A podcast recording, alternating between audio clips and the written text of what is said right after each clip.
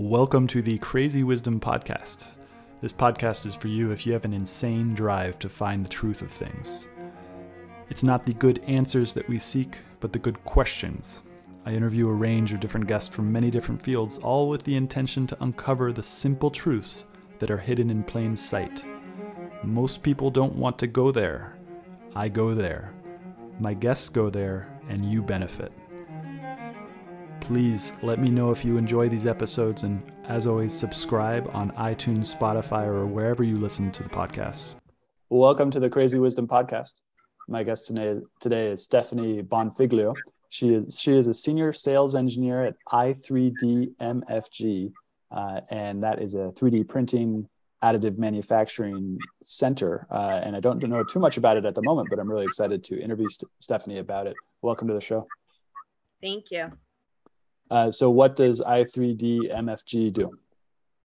All right. So, um, we're a service bureau. We have um, multiple machines, all of the same manufacturer, um, but we basically get proprietary models from our customer base and we say whether or not they're good to print or if we need to make some adjustments so that they are printable without supports or with supports or whatever that may be. Um, and then we uh, print them and once they're done printing, get them to the customer. Um, that's in short.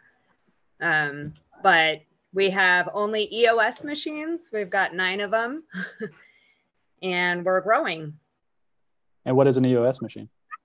So EOS is one of the names that's like a grandfather name of 3D printing. They've been around since the 80s, and um, most people in the additive world know about them. They did start with non-metal parts, and so they, because of their history, we when we started our business, we moved forward with them um, as one of their, you know, first first or second North American service bureaus in the states. So interesting. And so you said and they're all manufactured in Germany. Oh, interesting.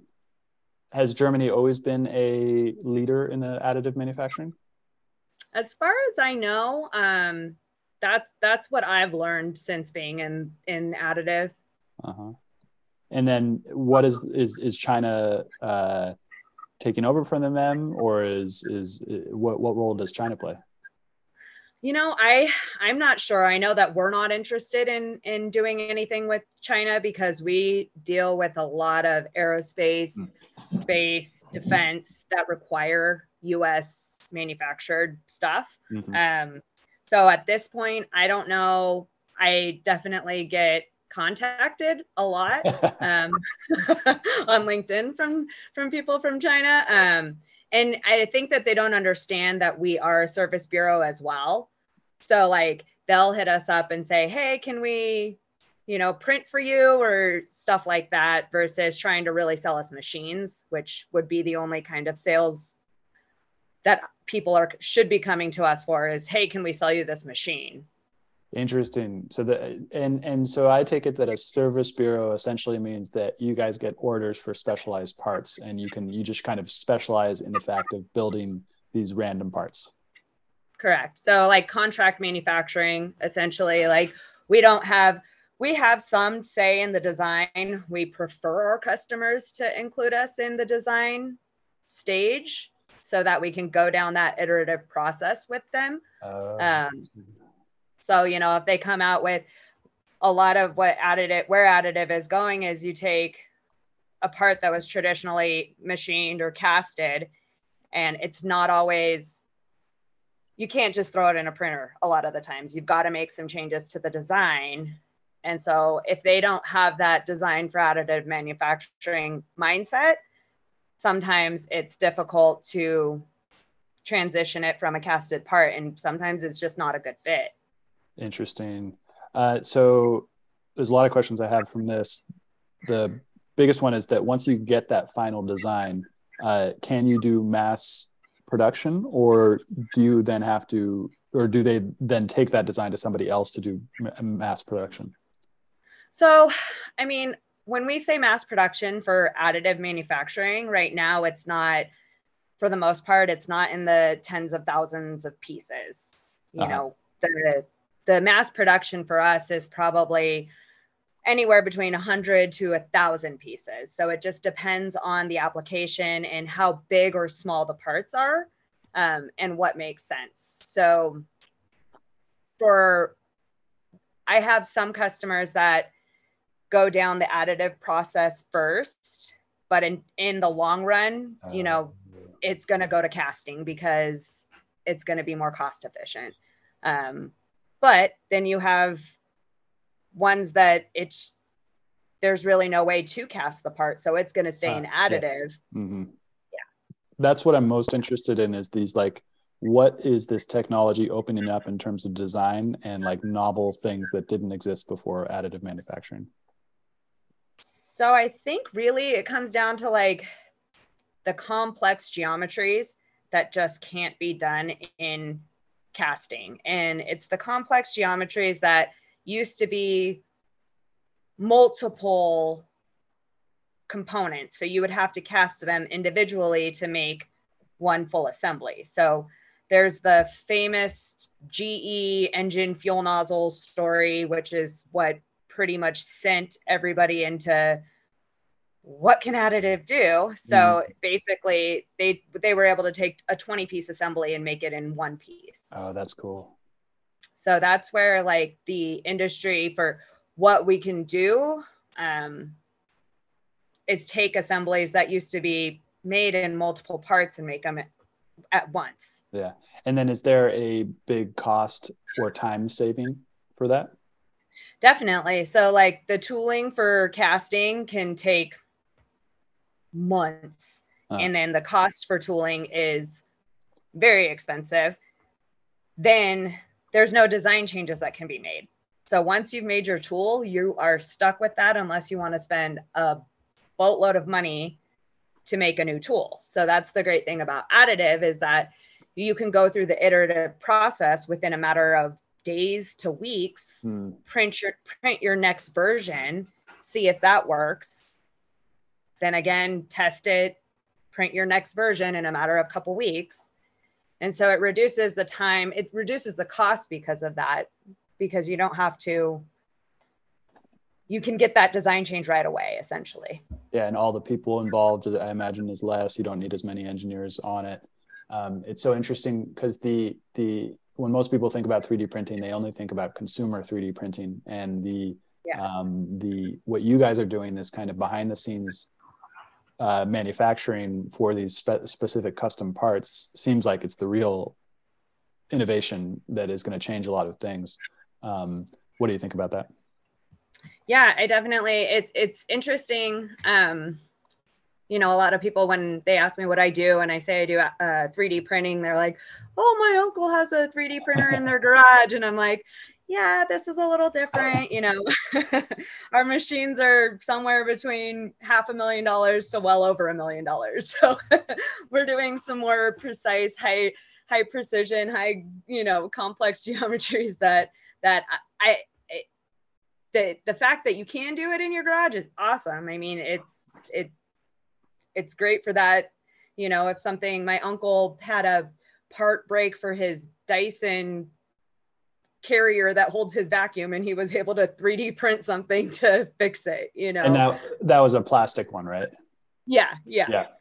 And then do you think there will there will be a time where the price of consumer 3D metal 3D printers uh, lowers? Like are you guys seeing the same sort of price reduction that consumer 3D printers are seeing? I don't think yet.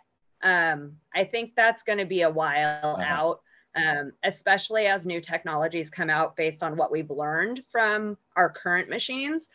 So, you know, there's going to be, we've learned that with the support structures and the additional material we have to use, as we fix the parameters and we're able to work with that to build unsupported geometries, I think the new technologies are going to continue to become an increase at, and mm. as the technology grows. So I don't know that it would ever become like a consumer priced for a machine also the back end that needs to go into the safety of it you know, our materials are hazardous. There's argon that's needed for mm. the chambers. Mm. You need a pretty awesome, you know, barn area to put your machine in to be able to to do it. Yeah. It's like only only in Paraguay or something like that. Yeah. Lax, lax regulations. Um, yeah. so Okay, and then the, the patents also play into it as well, right? Because you guys are on the forefront. You're you're you're understanding these new novel geometries. That is the are these novel geometries agnostic in terms of the machines that are needed, or um, do you have to buy a particular machine in order to produce these novel geometries? That all depends. Um, if you work with the company through the beginning of R and D and through the iterative process and then they go to production that and you've proved it out on that machine you know as additive grows we're learning what qualifying a part means mm. and how we can make that go across the board between different service bureaus right? Because not the amount of time that one machine takes to print something these our customers need multiple sources. And so being able to have that repeatability between machines is is we're we're in the process of defining what qualifying a particular machine means. Uh, now, there are some other machines out there that are proving to have more stability across different service bureaus. And so we, I think that we will soon see with customers that they will require a specific platform to have their parts built on. Okay, that's really so. Say it's not an EOS machine; it may be a Concept Laser or a Velo or one of the other vendors out there. Uh, and these are all companies. Um, uh, these are all companies that produce the machines, basically, right? Yeah. Uh, uh what are the major ones? So you've got uh, EOS, uh, Concept Laser, Velo. Any other ones? Velo. Um, I think those are, I mean, there's a lot out there. Yeah. Um, and we haven't really played in the market to like look into other machines yet. So um, we have talked to Velo um, a little bit to get to get some of their um, input on on their machine. They're they're much newer, so um, just wanting to to figure out if we want to expand that way or where we want to go. But um, as for right now, we are solely EOS. Okay. That's really interesting. How many people work at your company? So we currently have about, I think we just hired our 17th employee. Okay. So pretty, pretty small. And then like, what is the competitor? Like how many, if you were to take a guess in the United States, how many competitors do you have?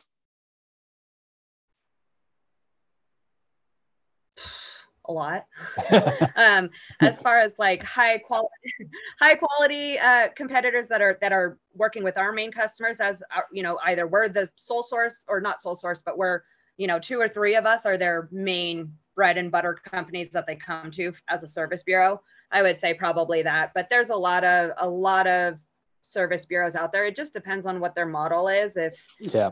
they're wanting to do more aerospace or more defense or more automotive. It it kind of depends on where that goes, which is, you know, we focus on aerospace and defense and energy and oil and gas and trying to get into the automotive. It's a little more difficult.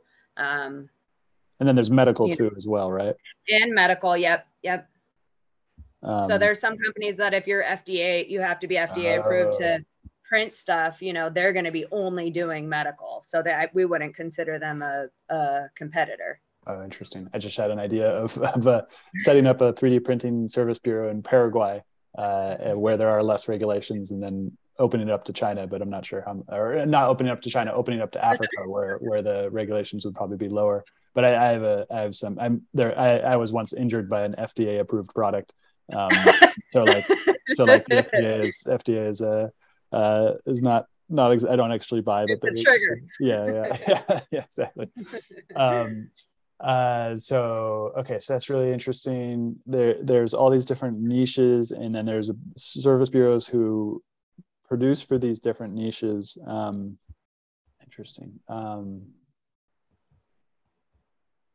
and you guys don't have that many employees, uh, so it seems like this is a, a kind of thing that is very very different from traditional manufacturing where i imagine in those casting factories or i don't know if they call them factories um, but in those casting locations uh, they employ like large amounts of people or they at least used to employ large amounts of people. What do you think in terms of general manufacturing like it, it, the employee count is probably lowering for a large amount of companies right?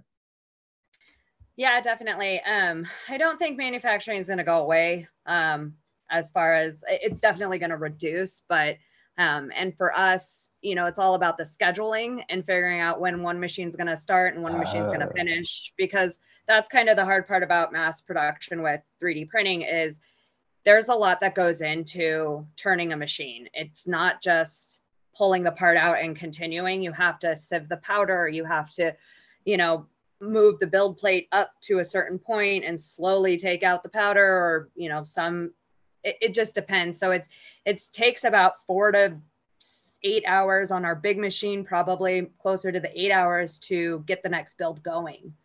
So, um, so that for us, it's easy to have not as many employees because we can manage it that way. Where the, um, as we get more machines, obviously we're going to have to, we'll have more, bring on more employees. And that's where our expansion plan is. Um, we have another machine on the way. And so, you know, we're hiring for a lab technician and, you know, that sort of stuff. So it's really interesting to see like how much we'll grow as how many employees we need per machine type thing uh-huh. and how uh-huh. many engineers we need to support that as well because you know it starts with the the starts with the sales order and then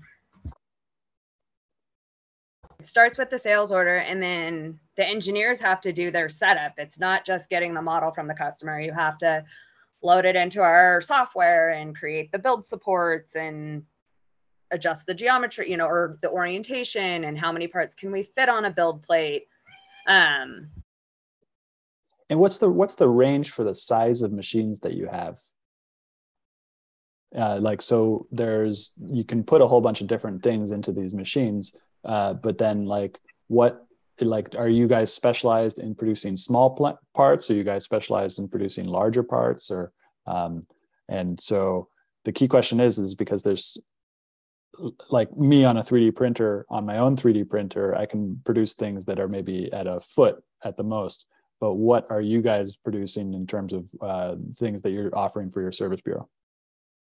So our so our large machine is a 404, and that can print approximately 16 inches by 16 inches by 16 inches, and that's our largest platform. And then our and we have two of those. And then we have seven machines with the eighth one on the way that has a 10 by 10 by 12 inch platform. So we are a little restricted on bigger metal parts. However, bigger metal parts are there's a risk of warpage and depending on the geometry. So it's it's a it's been working. There are some platforms that are out there that are growing up to about 39. There, there's a couple platforms, the Velo one, and then there's another one that EOS partnered with another company, and they can go up to a, a meter. So interesting. But you have to have the right geometry to be able to have a good part that's not going to warp or have issues growing that tall. So 3D printing just doesn't work for bigger parts, but I guess like most of the economy probably doesn't need bigger parts unless maybe like a ship or something like that. A ship probably needs a big one. But if you're and I, I mean yeah. I think there is a, there is a need for bigger parts in metal and it is happening. I just it's as for us, we're not doing anything bigger, but um at the moment, I think that will change. Mm. And I mm. there is definitely a need to to grow that technology because if you're talking about the larger, let's say rockets, we want to be able to build, build a larger engine or, or a nozzle in one build rather than having to print it in multiple sections and weld it. So um, there's definitely a need. Um, I don't know large scale, like for a ship, that would, um, I think that. The other thing that came to, yeah. Well, the other thing that came to mind was um, uh, factories, maybe like because factories uh, then probably need larger parts as well. Um, but then, but in terms of automo- automotive, uh, medical, aerospace, except for what you just mentioned, it seems like smaller parts aren't going to be like in a car. You know, what's what's the larger? I mean, the engine itself, but I don't, sure. are people 3D printing engines themselves, like full engines with one print? Is not that possible? That, not that I, I mean, not that I know of. Um, I think that would be really, co- like costly. Yeah. Um, so I'm not not sure that that's there yet or will get there. Um, you know, components for the cars is definitely happening pretty frequently. Um, but a lot of the the car companies, I, I mean, I would assume that they're doing it in house because one, they have the money to afford an additive machine. Um, uh, interesting. And so, and they need it really fast, right? Like they don't really have the time to to. It's more for prototyping, right? Or like to fix something really fast. It's not um, going into production for car parts. I think. Yeah, interesting. Yeah, it's there. I don't know what, that. Yeah. yeah. It's like mass production uh, all the way because of how many cars they need to produce. Right. And yeah. I think the cost, the cost to once you figure yeah. it out, yep. you know, that's when you can go into casting or traditional machining. Got it. And so this iterative process where you take this design and w- w- walk the client through this design process, um, how many iterations would you say is an average for uh, building these products? It depends. Um, it's definitely geometry specific. Um, if there's thin walls, like there's or if there's certain really high tolerances. So if it's got to be, you know, it's critical critical dimensions, that's going to take probably two to three prints to dial in what we call the scaling, which is adjusting the, the laser um, to do what what it needs to do. So um, two to three is typical, and then it depends on, and that would be for us to hit our tolerances. Now, if the customer has to go back and you know, test the part and make uh, sure that it oh. flowing properly and it is doing what it's supposed to do. I've done, you know, up to 10 builds uh, just to, but that'll take, you know, one to two years. It's not, that's over some time. So we'll build yeah. like 10 with one iteration. They'll go test all 10, make changes if needed. And how did you, how did you specifically get into this? What was your, what was your story for how you found out about this? So um, I started in um, connector manufacturing, so low voltage circular connectors when, well, let's see, 2006, I believe. Um, and left that to go work for a cable assembly manufacturer. So basically, you're taking the connectors and terminating it to the cable. And then um, moved up to Oregon from Southern California for that. And um, that didn't quite work out. So I left and I did massage for five years. And then I had an opportunity with i3D to come on and help. While I was doing massage, I, I helped with some of the process implementa- implementation. And then they brought me on full time. And so. So, and do you really enjoy what you're doing right now? I do. It's um it's really interesting to see how much we've grown and how the industry has grown and I do enjoy that I get to do something different with each customer. So, you know, we're not printing the same part. We're not manu- producing a particular product. We're producing multiple different products for, and most of the time I don't even know what they're actually doing. Um, most of our stuff is proprietary and, you know, we can't, we don't know. We don't know what component it is. You know, we may know that there it's a rocket, um, but we don't exactly know where where it goes or how it works or you know that sort of stuff um, so that's always fun to try to try to get that from your customer in a way that it doesn't break any nda or any sort of proprietary information and so um but a lot of times yeah we don't really we we can guess you know of what what it is. And but that's the also the really cool thing is we know we're doing some really complex stuff that you know we're not supposed to not not secretive but you know it's just cool to know that like that where the industry is going and all the different things that it's able to able to be used for. Well and how does that work? That seems really like a very very difficult job to do is to design something of which the application you don't know is actually what that what it's going to do.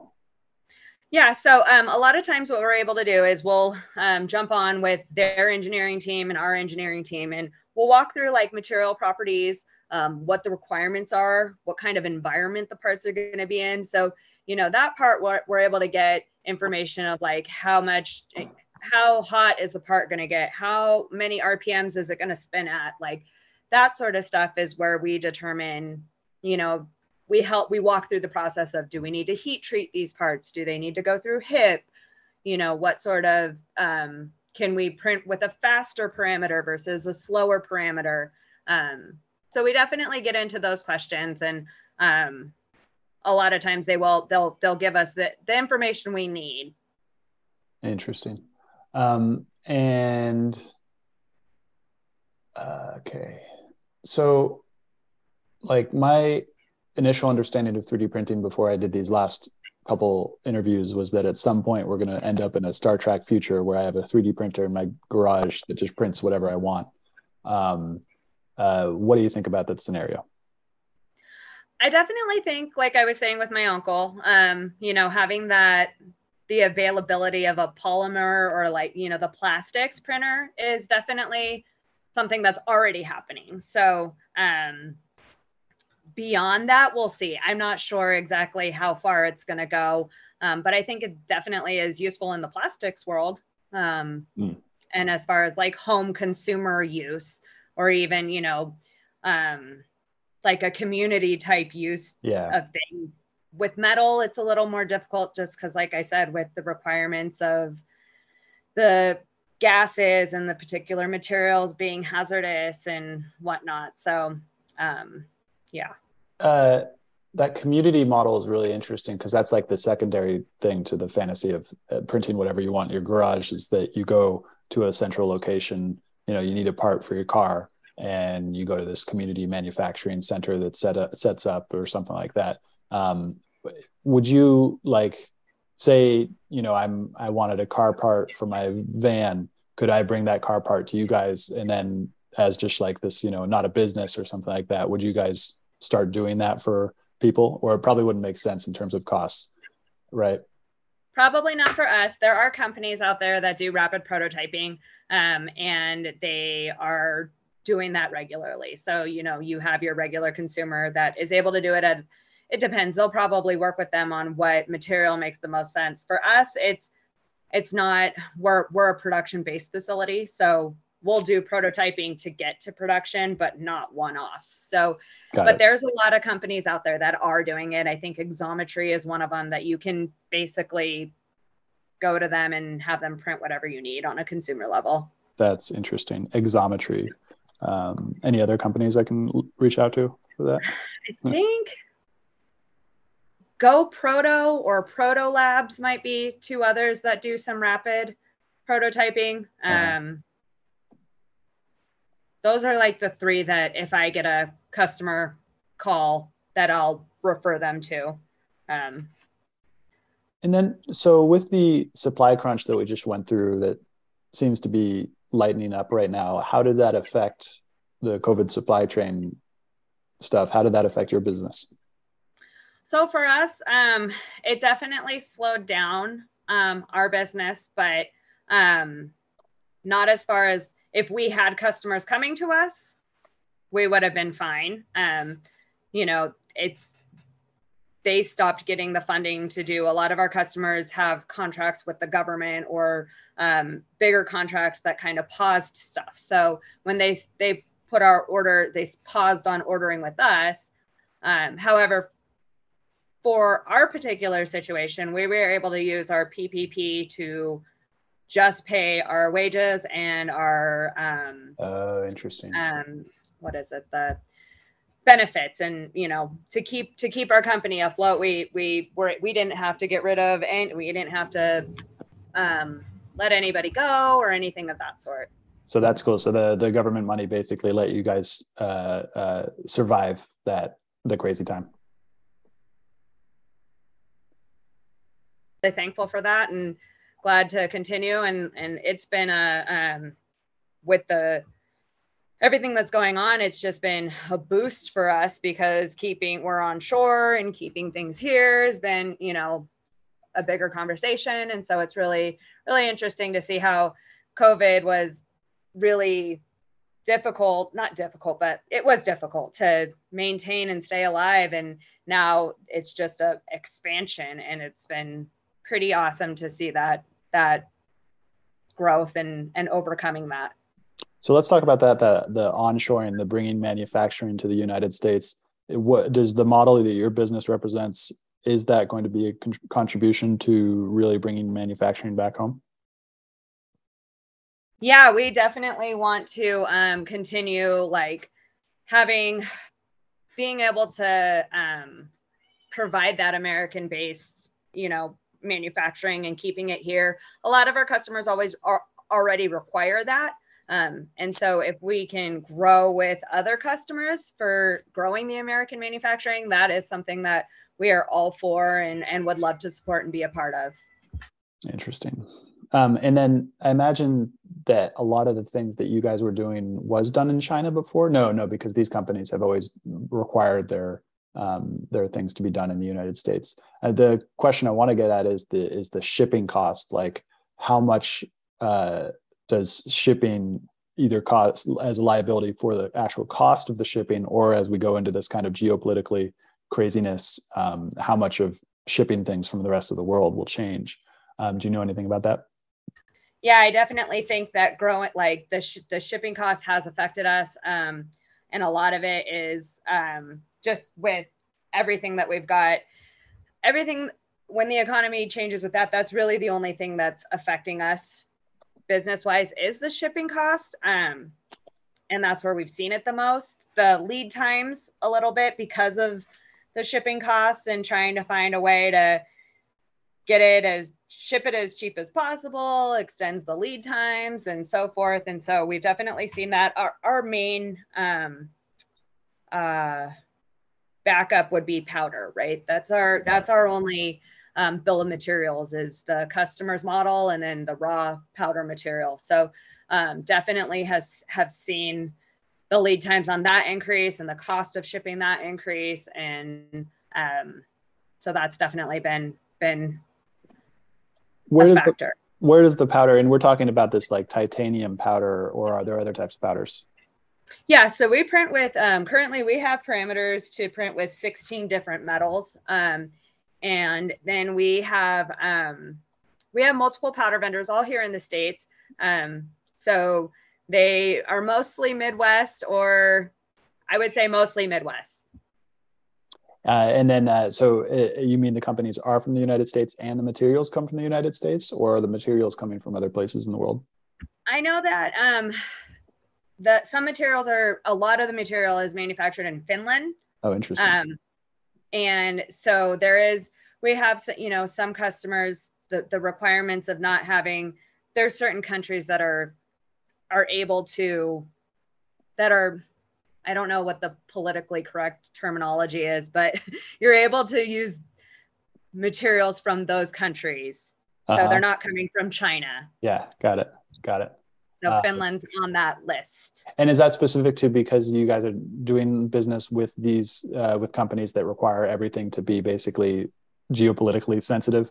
Uh, as yes. or so so if I were if I were like in the mm, uh, automotive industry where it doesn't really matter which companies I use, then that would I could get I could get metals from all over the world basically. Correct. And okay. and I think for the most part, I mean, everybody that other than China, the people that are manufacturing powders um, fit within that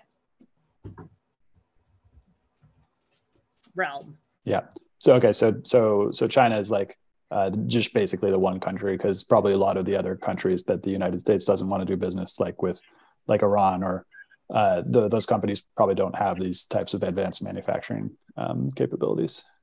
Yeah, and um, I'm not exactly sure. That's really interesting. Um. I actually want to learn more about that because it just piques my interest of where else is any of our uh, you know where else is powder being manufactured i definitely know that china again on linkedin they hit me up on on powder for sure um, to but, sell you to sell you powder to sell us powder yeah yeah, yeah. Yeah. Um, yeah, it's a very interesting question for me too because it seems there's one uh, geopolitical strategist named Peter Zeihan uh, who talks about you know we've been in this period of globalization for the past uh, well 300 years and and for the last 60 years the united states has basically patrolled the shipping lanes with their giant navy. Um, and peter zeihan thinks that that's that era is coming to an end uh, so that piracy will probably go back to the way it was in the in the 1800s um, up until the British kind of start, started their own thing. But the British weren't even good at, at, that good at it until the Americans came in, and the Americans were really we we really were able to patrol the whole globe's shipping lanes and keep shipping open for the whole world. And so if that goes away, not only that goes away, but if there's continued political geopolitical instability with China, which this guy thinks there will be because of the demographic demographic changes that you know like this whole globalized system like what does that look like in, a, in an era where that where that guaranteed shipping doesn't actually come through as much. Uh, so it's a question I'm really interested in. Um, and then it's just like uh, the um, really like it feels like the type of stuff that you're doing is going to represent a significant change to the way that we produce things. Like, do you think that it will actually lead to a hyper localized manufacturing system, um, or is that, or is it just going to be a minor change to a globalized system? I don't know. That's yeah. that's a that's an interesting question. Um, I think we'll just have to kind of see where it goes. Honestly, um, there's so much changing, like ch- continuous improvement with with additives. So.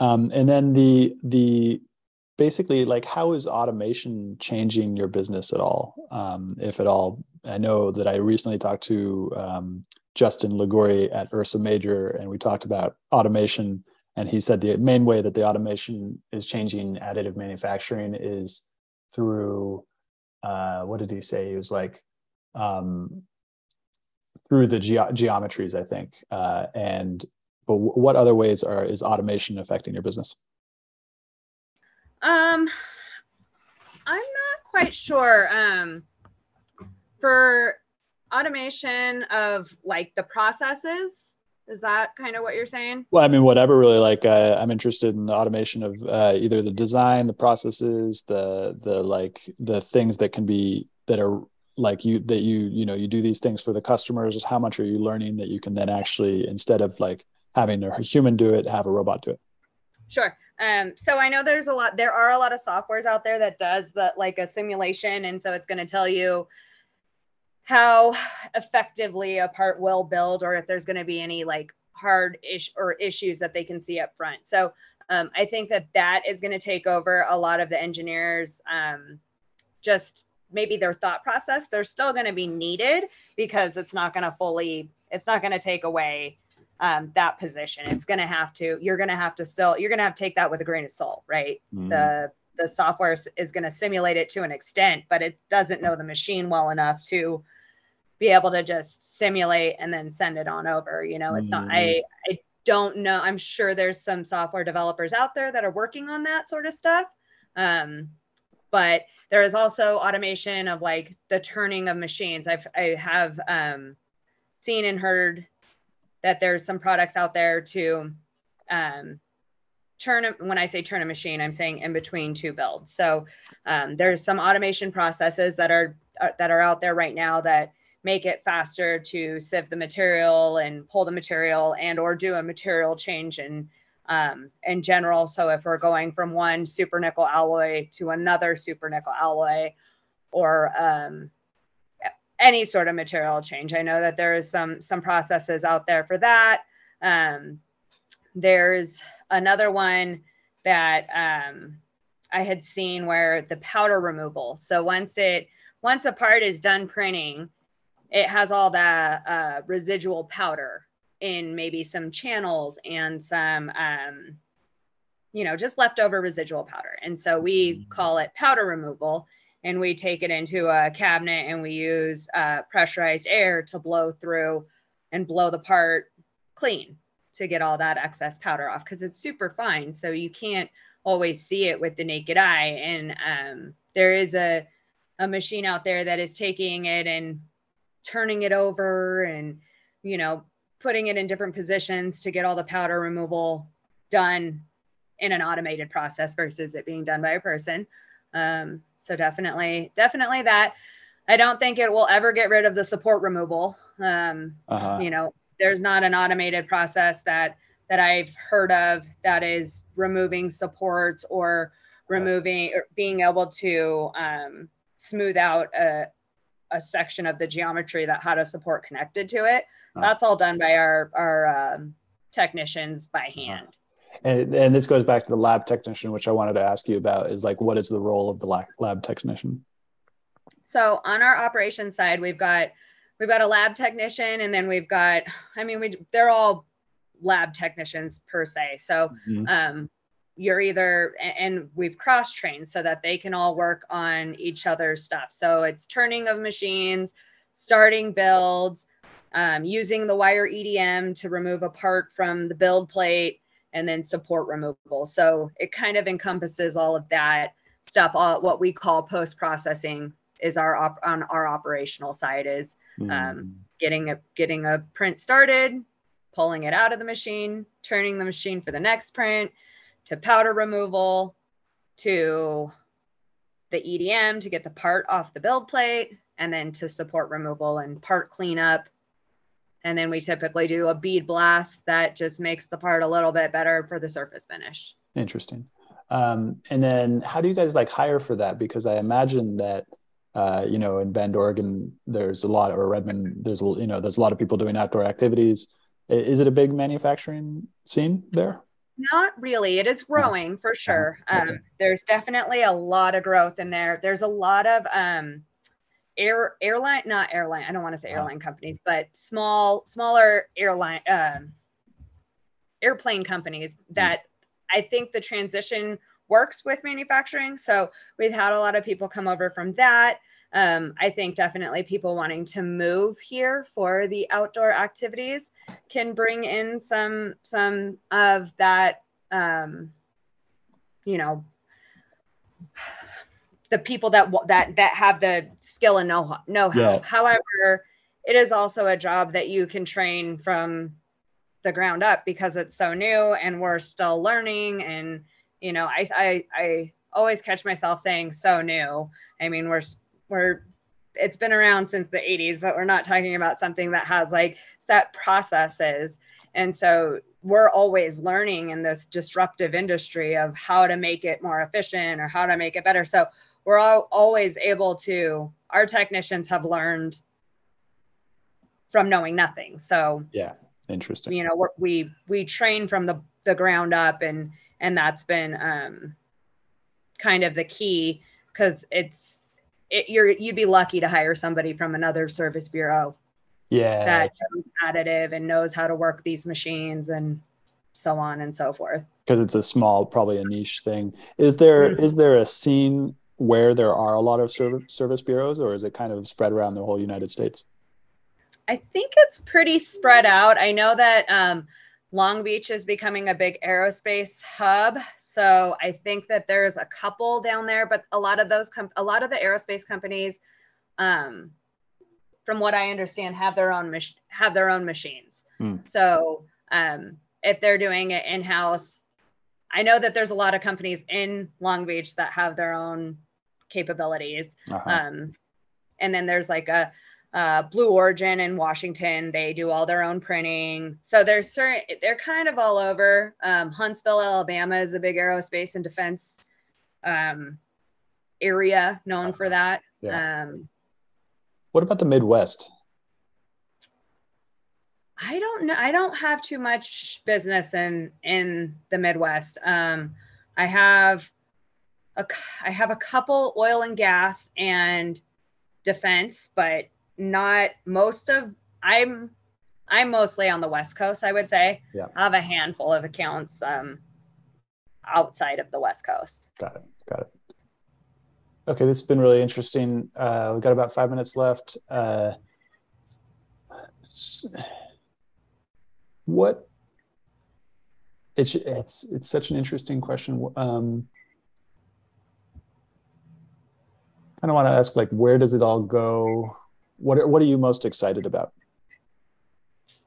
I'm excited. One of the things that's been really cool is um, the R&D and iterative processes have taken a lot of our customers years. So being on the forefront of designing and helping them build their prototype and then finally getting to see it go to production has been really exciting. So I'm looking forward to continuing to grow those accounts and and do their production but also see what's next right mm-hmm. so mm-hmm. if we start designing and prototype i mean every every year we're getting new customers that are doing the same thing so what i'm excited about is to see where they're at in six years to see you know how far they've come and grown and so um, i have my particular account management um, i've had two customers go to production over the last two two years. And so um, getting to see that and being you know i've been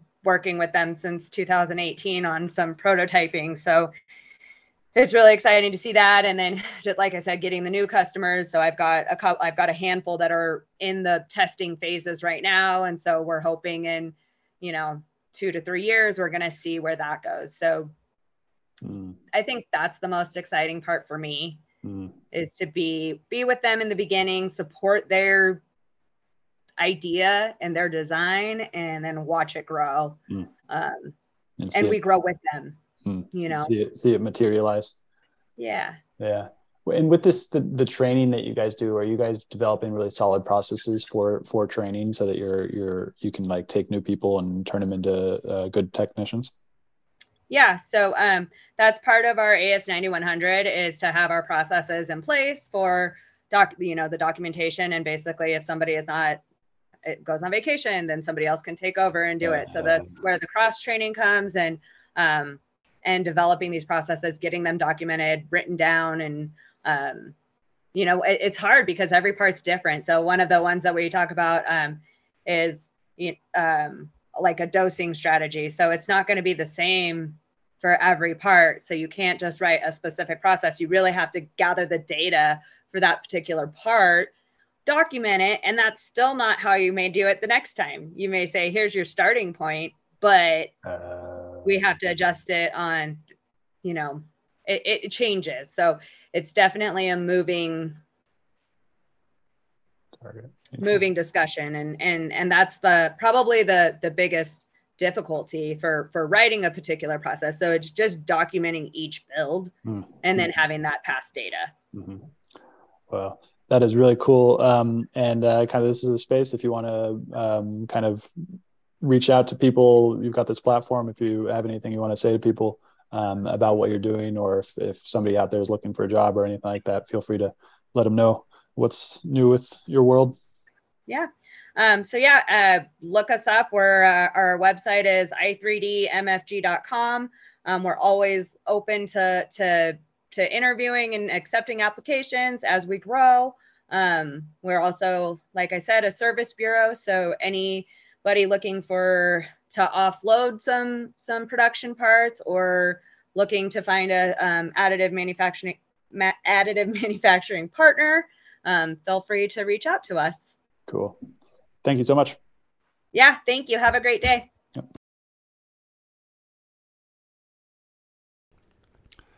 Thank you for listening, and I hope you enjoyed this episode. As always, you can find me on Twitter at Stewart Alsop III. Also, don't forget to subscribe on Spotify or iTunes for every weekly episode that I publish on Monday mornings. Hope you have a great day.